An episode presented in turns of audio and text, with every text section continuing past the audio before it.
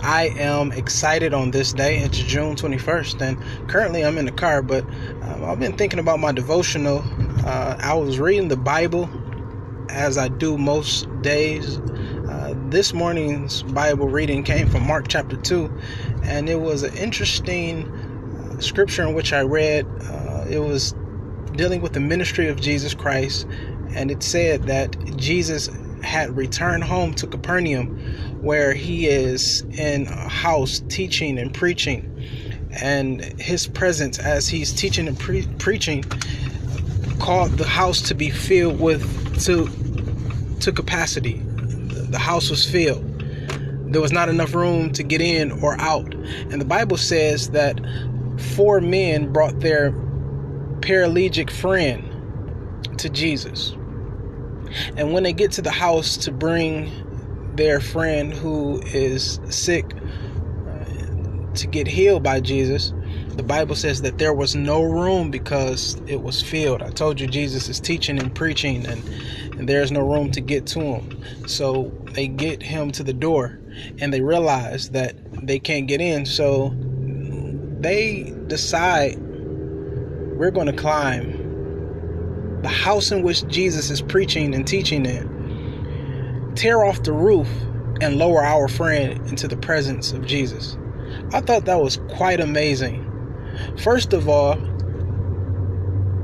the tension or the the tension in the text in which I see is that there are people in the presence who claim to be followers of Jesus, who claim to be, uh, you know, advocates and stand for Jesus, and yet they turn a blind eye to the fact that there's a man who is paralyzed who needs to get to Jesus and they turn a blind eye to this guy so they don't let him in and oftentimes that is why most people you know suffer from uh, church hurt and people don't go to church and because you have people who are in the presence of jesus who do not see the need to allow sick people who actually need Jesus to come in.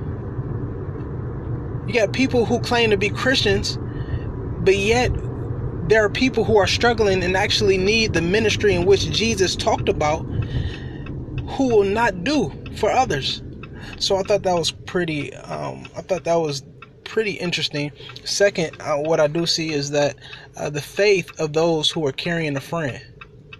Do you have people in your life who will carry you when you're sick?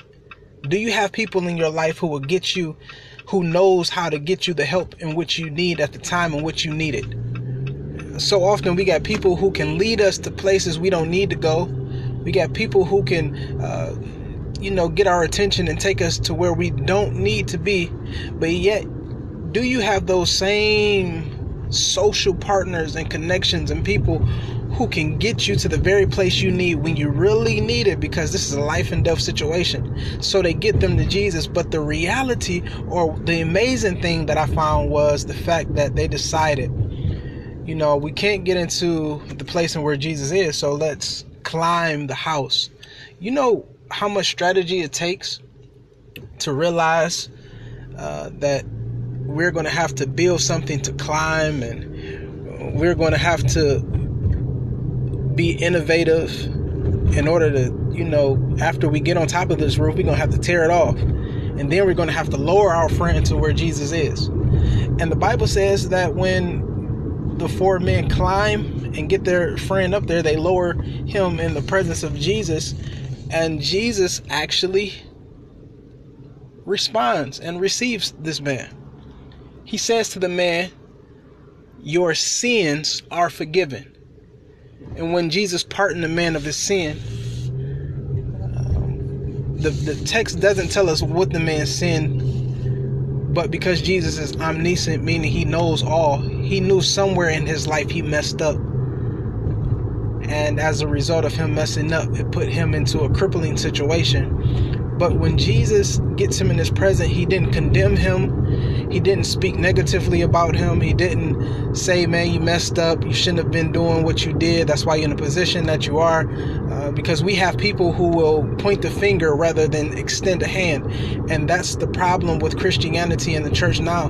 We have people who will point out what you did wrong, but they will not give you what you need in order for you to heal and make a comeback. They point the finger and say, okay, you did drugs. Okay, you're a crackhead now. But no, where's the resources? Help me out. Help me figure this thing out. You have people who point the finger, you murdered somebody. You're just a murderer. You're a bad person. You're going to hell. Uh, but no, give me, help me out. Help me figure this thing out.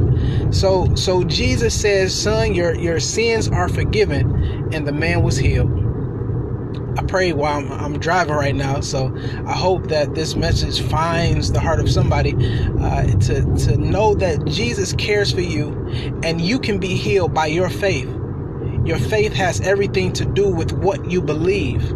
If you believe you can be healed, if you believe that you can you can change, if you can believe that there's more for your life, then you can manifest the impossible. Do not stop believing. As a matter of fact, I pray that this simple message has planted seed into your heart and that the seed begins to take root into your spirit and your life becomes fruitful. Like I'm said, like I said earlier, I'm driving, so I'm in traffic. Uh, but I pray that this message reaches you where you are. All right, be blessed. Peace.